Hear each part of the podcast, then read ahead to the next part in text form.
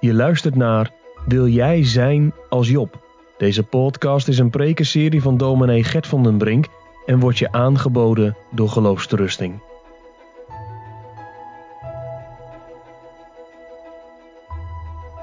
Laten wij het woord van God openen en een gedeelte lezen opnieuw uit het Bijbelboek Job. Job hoofdstuk 9. Wij lezen Job 9, vers 1 tot en met 20. Maar Job antwoordde en zei waarlijk, ik weet dat het zo is, want hoe zou de mens rechtvaardig zijn bij God?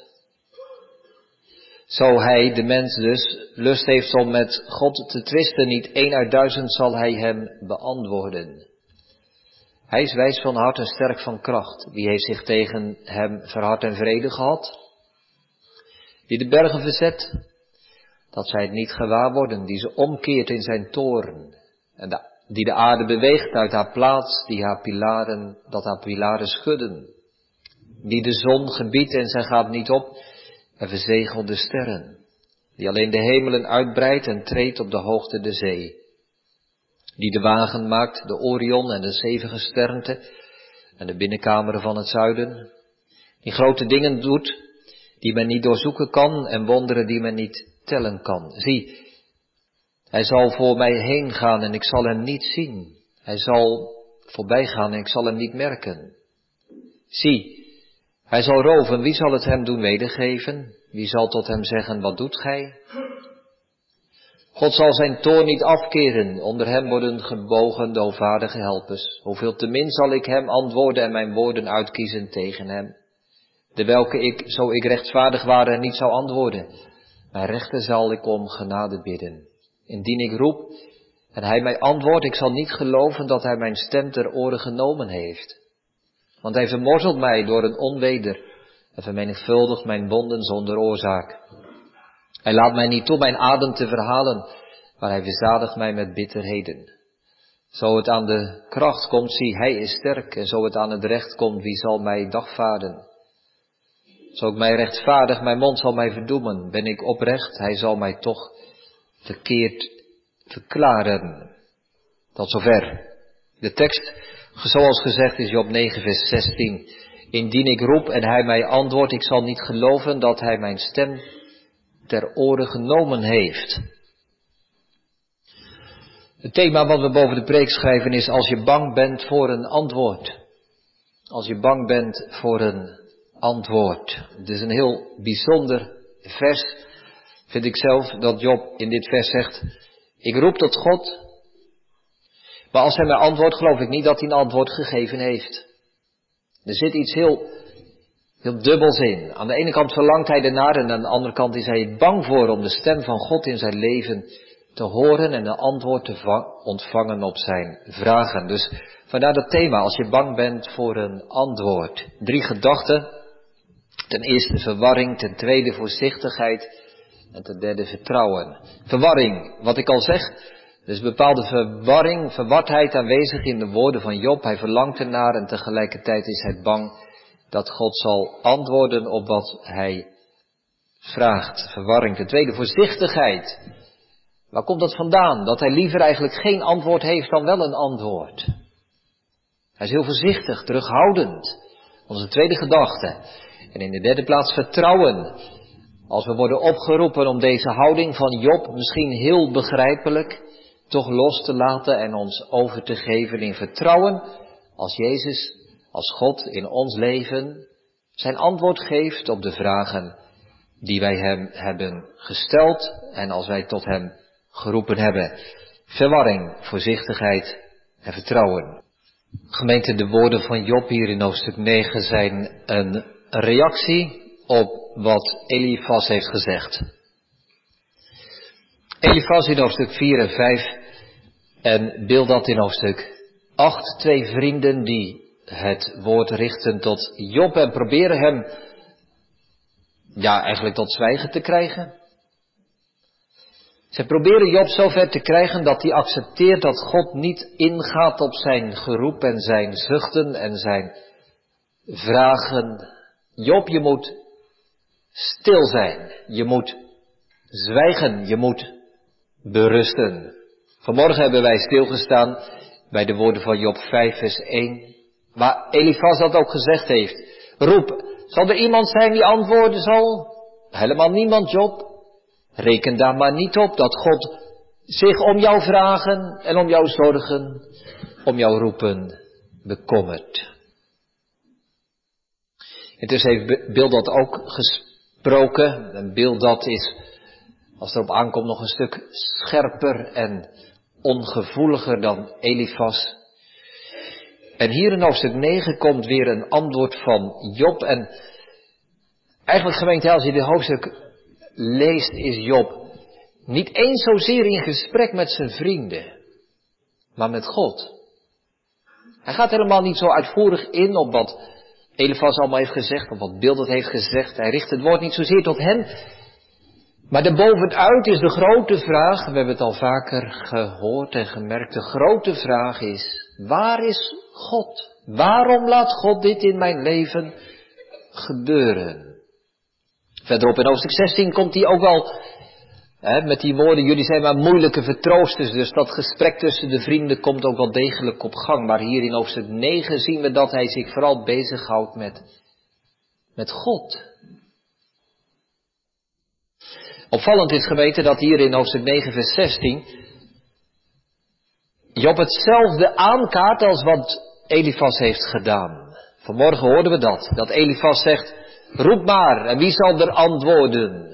Roepen, antwoorden. Twee kernwoorden uit de woorden, uit de vraag, de opmerking van Elifas. En dezelfde woorden komen terug bij Job. Indien ik roep en hij mij antwoordt, ik zal niet geloven dat hij mijn stem ter oren genomen heeft. Is natuurlijk wel een andere invulling, hè? Elifas die zegt, ja, maar daar moet je maar van uitgaan. Dat hoort bij onze, onze visie op God. God is zo hoog en verheven dat hij niet ingaat op al jouw vragen en vraagjes, Job. Job verlangt wel naar een antwoord en tegelijkertijd, gemeente, is hij in verwarring. Is hij in verwarring? Als ik roep en God mij antwoordt, ik zal niet geloven dat hij mijn stem ter oren genomen heeft. Aan de ene kant is mijn grote vraag, Heere God, antwoord mij. Waarom toch? Ik kan niet berusten in deze situatie. Ik kan niet zomaar accepteren waarom er alles gebeurt. En tegelijkertijd zegt hij, al zou God mij een antwoord geven, ik zal niet geloven dat God op mij neerziet en dat God heeft gereageerd.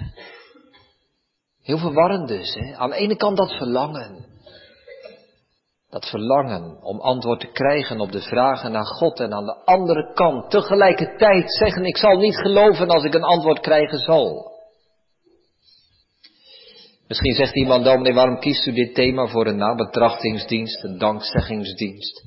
Past dat wel om, om op dit moment, als we het avondmaal hebben mogen vieren vanmorgen en nu vanmiddag weer, om dan in de dankzegging dit mee te geven? Ja, maar het kan maar zo zijn dat je hier vanmiddag zit en de verwarring van Job herkent. Misschien wel de mensen uit de gemeente die niet zijn aangegaan.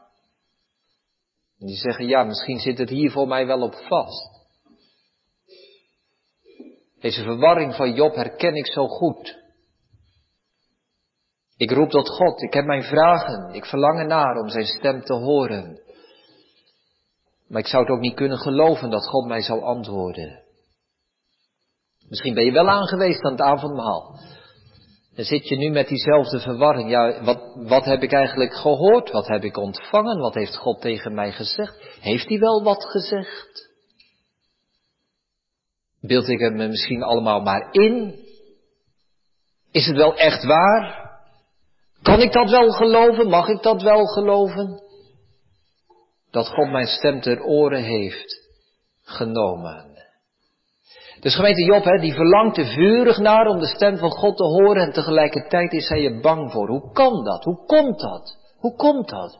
Wat is de oorzaak? Wat is de reden van die twee slachtigheid, die twee strijd in Job? Dat komt omdat hij het handelen van God in zijn leven niet begrijpt. Hij vindt God zo onvoorspelbaar. Al die rampen die hij mee heeft gemaakt. Alle ellende, verdriet, gebrokenheid, ziekte. Alles bij elkaar. Kun je God vertrouwen als er zulke ongrijpbare en zulke zware dingen in je leven komen? Gemeente, ik kan Job eigenlijk ook wel goed begrijpen. Dat hij voorzichtig is geworden. Kijk, theologisch, hè, theologisch klopt het allemaal wel. Dan zegt hij ook in vers 2, ja, ik weet dat het zo is. Wil dat? Hoe zou de mens rechtvaardig zijn bij God? Ik weet het. Dat God wijs is, zegt hij in vers 4. Sterk van kracht.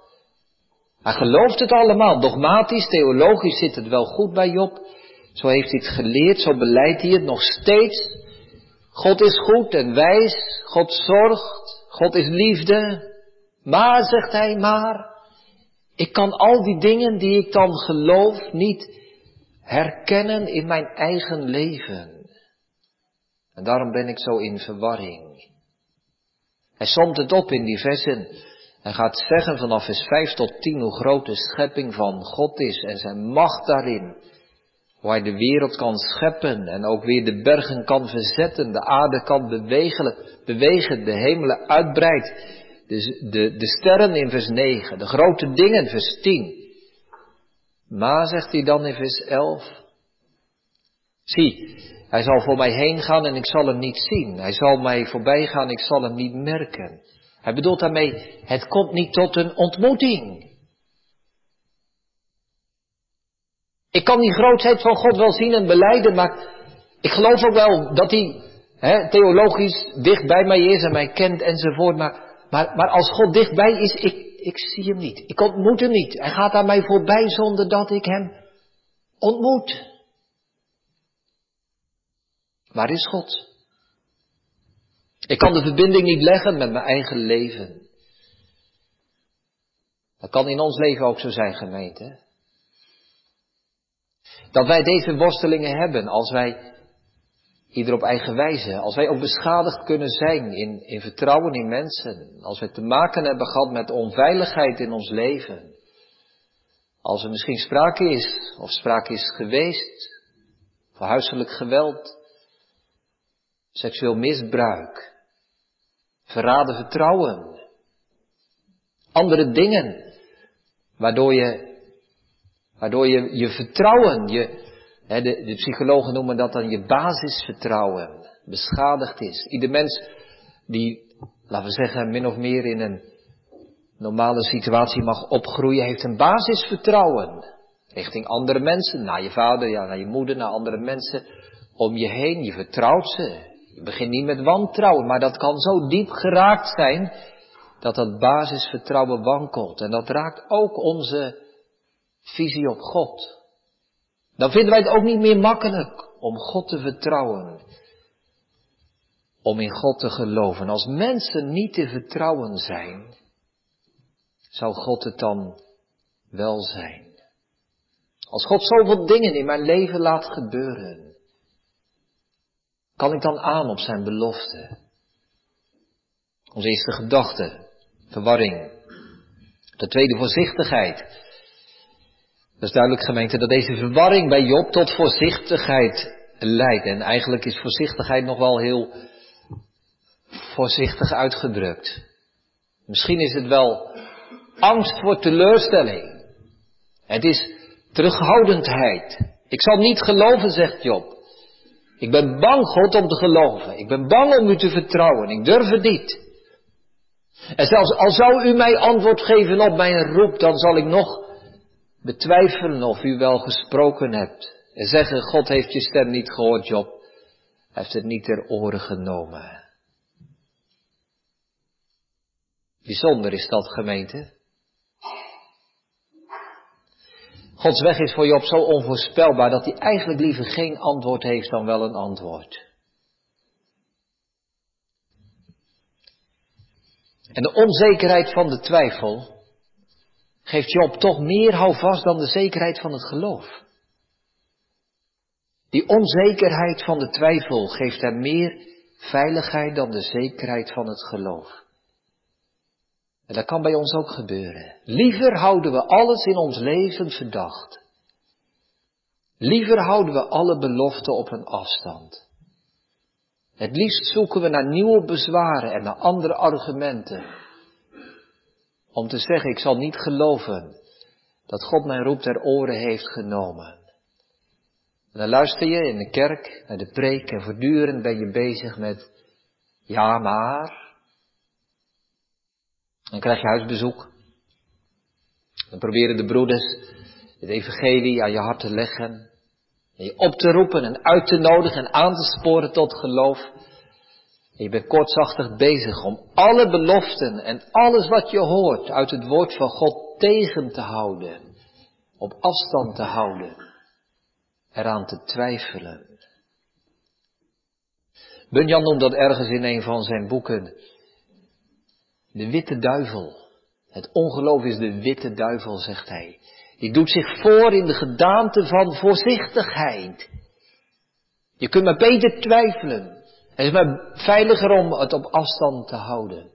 Kijk gemeente, laat ik dit er ook wel bij zeggen, hè, dat ik het een echt andere houding vind dan Elifas. Elifas die is, hè, dat is de theoloog, en die zegt nou zo zit het, God is groot en vol majesteit en op afstand. Dus het is eigenlijk ook heel logisch dat je nooit wat van God hoort en dat hij op jouw vragen niet ingaat. Maar bij Job ligt het toch wel wat anders. Job verlangt naar het gesprek. Job verlangt naar antwoorden.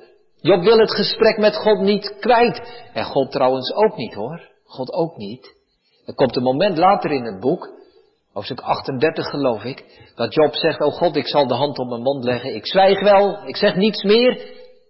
Maar daar neemt God geen genoegen mee. Dan gaat hij in hoofdstuk 38 en 39, gaat hij verder om uit te leggen wie hij is. Want God wil dat wij tot hem roepen. En God wil zijn antwoord geven. En Job heeft ook dat verlangen. Heere God, luister naar mij. En tegelijkertijd bang. Het is zelfs bedreigend voor Job. Indien ik roep en hij mij antwoordt, ik zal niet geloven dat hij mijn stem ter oren genomen heeft. De nabijheid van God, gemeente, waar het vanmorgen over ging, kan bedreigend zijn. Kijk maar eens mee in hoofdstuk 7. In hoofdstuk 7 zegt Job in vers 17, 18 en 19 hoe hij de aanwezigheid van God ervaart. Hoofdstuk 7, vers 17 lijkt wel een een herhaling van Psalm 8. Wat is de mens dat gij hem groot acht en dat gij uw hart op hem zet? Maar het is toch heel anders bedoeld. Psalm 8 is een psalm van verwondering dat God zo dicht bij de mens komt. Dit is een woord van Job waarin hij zegt, Heer, u komt veel te dichtbij. Ik zit klem. En dat gij hem bezoekt in elke morgenstond en dat gij hem in elk ogenblik beproeft. Hoe lang keert gij u niet van mij af? Heere God, even wat afstand, zegt hij. Even wat ruimte. En laat niet van mij af totdat ik mijn speeksel inzwelg. Hij bedoelt ermee, al zou ik maar een momentje hebben dat ik even kan slikken. Dat ik even een moment heb. Zo kort maar, van twee seconden, dat u even op afstand bent. Heere God, u zit me veel te dicht op de huid. De nabijheid van God is voor Job een bedreiging. Gemeente, dat kan ons ook overkomen. Dat God in zijn beloften bedreigend dichtbij komt. Misschien is het wel waar dat God in jouw leven al zo vaak antwoord heeft gegeven op de vragen die je hem gesteld hebt. Misschien is het zo dat God al zo vaak geantwoord heeft op jouw roep naar de hemel. Maar je ontkent het. Je negeert het. Je wijst het af. Ik zal het niet geloven, zeg je, net als Job. Vorige week gemeente, gisteren week geleden was ik in Hoevelaken. Er was een eh, jongerenbijeenkomst van de HJO. En ik had daar een, eh, een workshop gegeven over de zekerheid van het geloof. En ik bleef nog wat napraten met een aantal jongeren die, die in de zaal bleven en we hadden mooie gesprekken. Want het gaat over Johannes 11, dat Jezus die vraag stelt aan Martha, geloof je dat? En ik sprak die jongen naar de hand. Ik zeg tegen hem, joh, ik stelde die vraag, wat is daarop jouw antwoord? Ik zag niet jouw vinger omhoog gaan, zei ik. Nee, zei hij, nee. Ik vroeg hem waarom niet. Ja, zegt hij, maar als ik dat zou geloven, als ik die belofte van God zou geloven, dan zou ik een kind van God zijn. Dat was zo overweldigend groot voor hem, dat hij het eigenlijk niet durfde geloven. En daarom had hij die vraag van Jezus ook aan hem gericht, maar niet beantwoord. Dat kan ons ook overkomen. Als ik dit aanvaard wat God in mijn leven zegt, als ik zijn belofte mag geloven, dan, ja, dat kan toch niet waar zijn? Dat is toch veel te groot voor mij? Ik kan maar beter, beter voorzichtig zijn. Ik kan maar beter nieuwe jama's en nieuwe tegenwerpingen naar voren brengen. Dat is toch veel te groot dat God zo persoonlijk in mijn leven zou komen. Dat kan toch niet waar zijn dat God zijn zoon voor mij gegeven zou hebben? Dat kan toch niet waar zijn dat de Heer Jezus Christus mijn leven liever heeft gehad dan zijn eigen leven?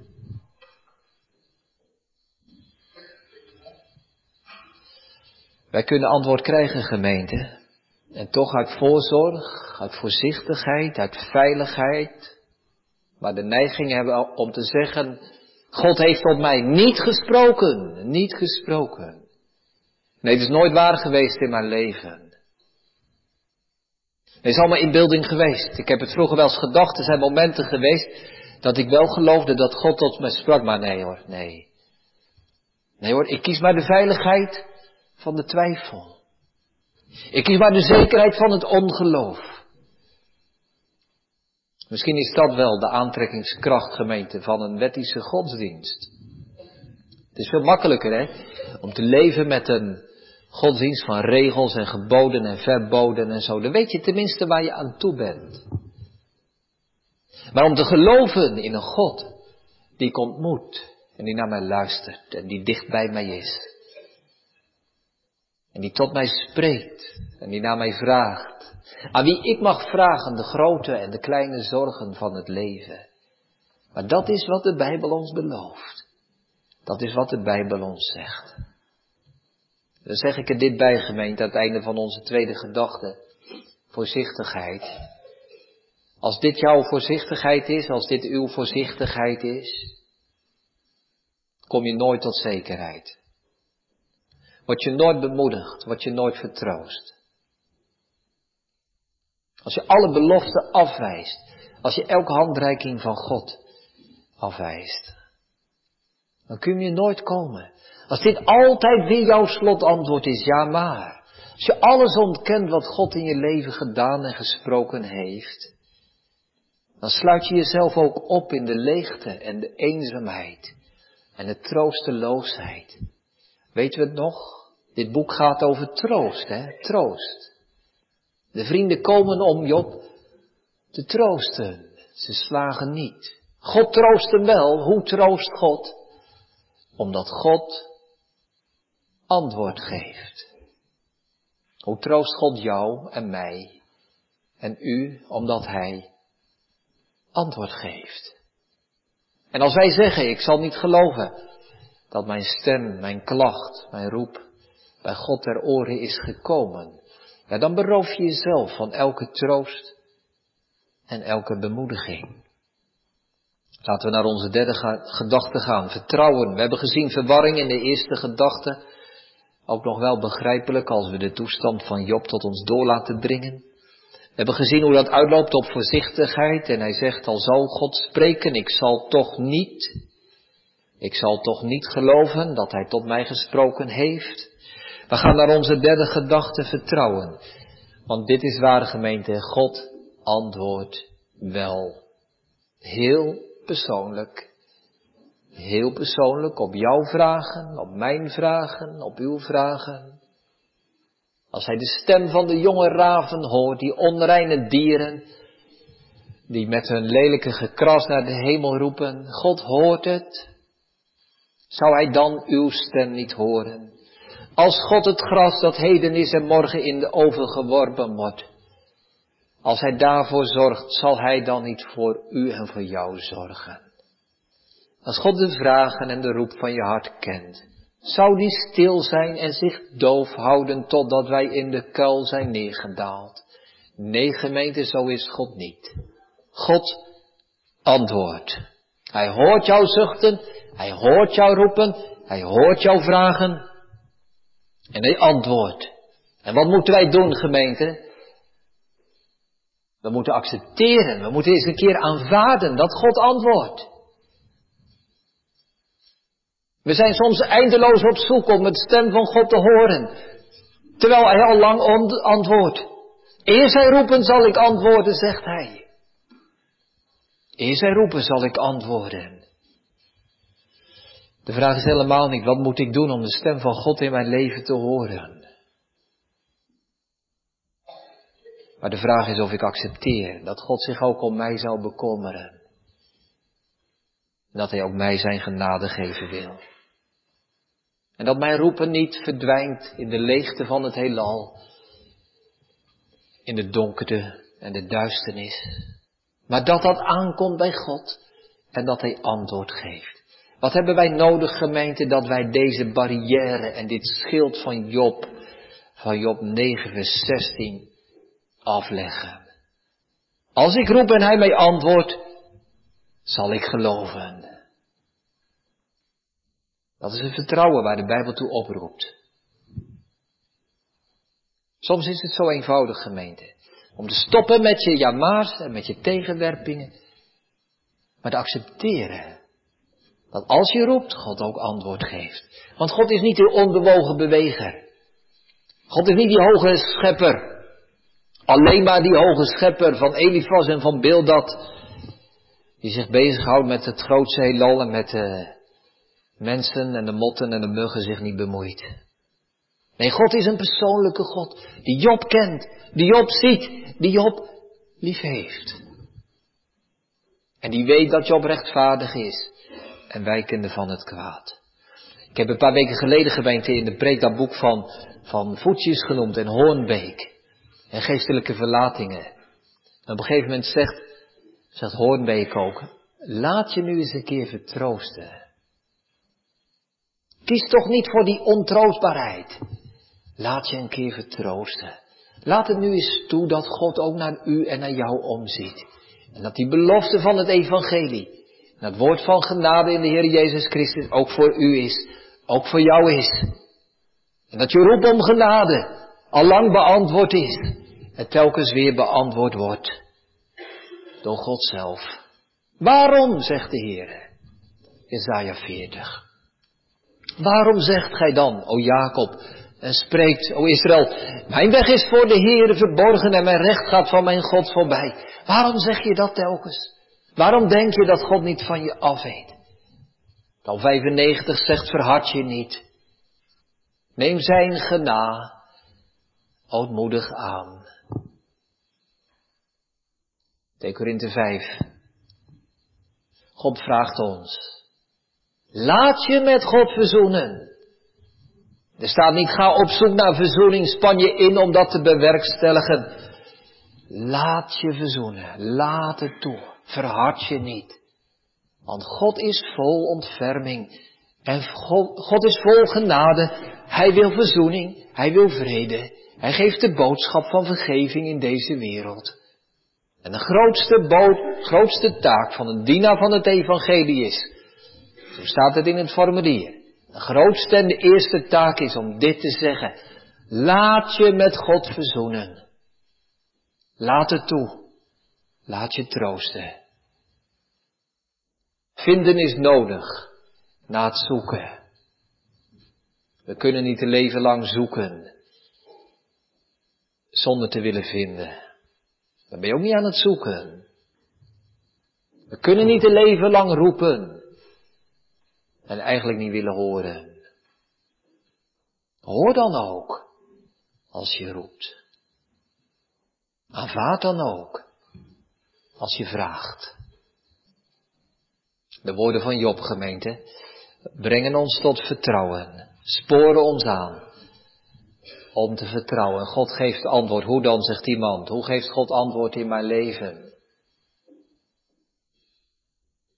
Nou, niet in allerlei bijzondere ervaringen, voorvallen, stemmen. He, dat dacht Elifas, als ik nu een engel zie of een geest, als ik nu iets bijzonders meemaak. Ook niet in de oplossing van al onze problemen. zien we ook bij Job. Hij krijgt niet meteen een reactie waarmee alles weer glad en goed is. Maar hij krijgt wel antwoord. Hij mag God wel ontmoeten. En voor ons geldt gemeente op deze avondmaalszondag dat wij antwoord krijgen. In de belofte van het evangelie in de Heer Jezus Christus. Heb ik vandaag een antwoord gekregen? Vraagt u, vraag jij je af. Heb ik vandaag een antwoord gekregen? Ja, dat heb je. In de Heer Jezus Christus. Hij die de grote vraag van ons leven beantwoord heeft. Heb ik antwoord gekregen, zeg je? Ja, die krijg je nu vanmiddag in de prediking. Want gemeente, in de prediking komt God zelf tot ons. En het is niet dominee van de Brink die op mijn vragen ingaat, maar het is God die zijn dienaren zendt, alsof hij persoonlijk tot ons spreekt. En hij geeft ons antwoorden op je vragen. Aanvaard dat antwoord nu eens. Accepteer het eens, als dat de roep van je leven is. Als dat de zucht naar God is, als dat de stem is. Heere, antwoord mij. Je krijgt een antwoord vanmiddag. Je krijgt een antwoord. Dat die genade van God in de Heere Jezus Christus over jou persoonlijk mag zijn. En verhard je dan niet opnieuw, maar laat je leiden. Verhard je niet opnieuw, maar laat je verzoenen. Ik kan mij herinneren, gemeente, dat ik ooit een gesprek heb gehad. Er waren een paar jonge mensen bij elkaar. En, het, en eh, op een gegeven moment ging het gesprek ook over, hoe kun je daar nu zeker van zijn? Hoe kun je dat nu weten, of de genade van God ook voor jou is? En een van die en een van die jongens die zei, ja, ik mag dat weten. Dat Gods genade ook voor mij is. Er was een meisje en dat vroeg, hoe weet je dat dan zo zeker? Twijfel je daar dan nooit aan?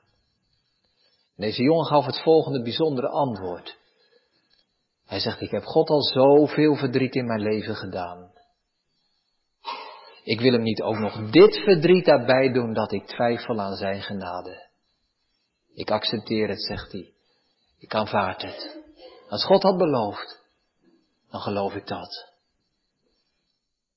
Nou, dat is de oproep naar ons allemaal, gemeente. De gebrokenheid en de zondigheid van ons leven is er. De teleurstelling in onszelf, de onbegrijpelijkheid van Gods weg. Het is er allemaal. Het is er. Misschien inderdaad een scheur in het basisvertrouwen in je leven. Maar God reist daar bovenuit. Hij is aanspreekbaar op zijn genade. En is zeker in het offer van zijn zoon. We mogen het zien en we mogen het proeven en smaken. En we mogen het vanmiddag horen. Laten we God niet opnieuw teleurstellen. Nog meer verdriet doen. Als we weer gaan zeggen, ik zal niet geloven dat God tot mij gesproken heeft. Gemeente, we hebben vandaag avondmaal gehad. Wat nu? Hoe gaan we de toekomst in? We hebben gehoord over de grootheid van God, maar ook over zijn nabijheid. Ik heb mij voor mezelf voorgenomen, gemeente, om te proberen in de toekomst me bewust te zijn van die nabijheid van God. Dat ik alle vragen, alle gedachten, groot en klein, alle zorgen, wat er maar in mijn leven speelt, wat ik belangrijk vind, al is het misschien voor een buitenstaander helemaal niet belangrijk. Maar neer mag leggen bij God. Niets is voor hem te onbelangrijk. Hij omringt mij. Hij kent mij. Hij gaat met mij mee. En die antwoorden dan op de vragen die ik stel. We mogen eruit zien. En ik hoop het geduld te mogen hebben. En ik hoop dat wij allen dat geduld mogen hebben tot het moment zal gekomen zijn dat de Heer Jezus niet alleen de tranen van onze ogen af zal wissen, maar ook antwoord zal geven op al onze vragen. Amen.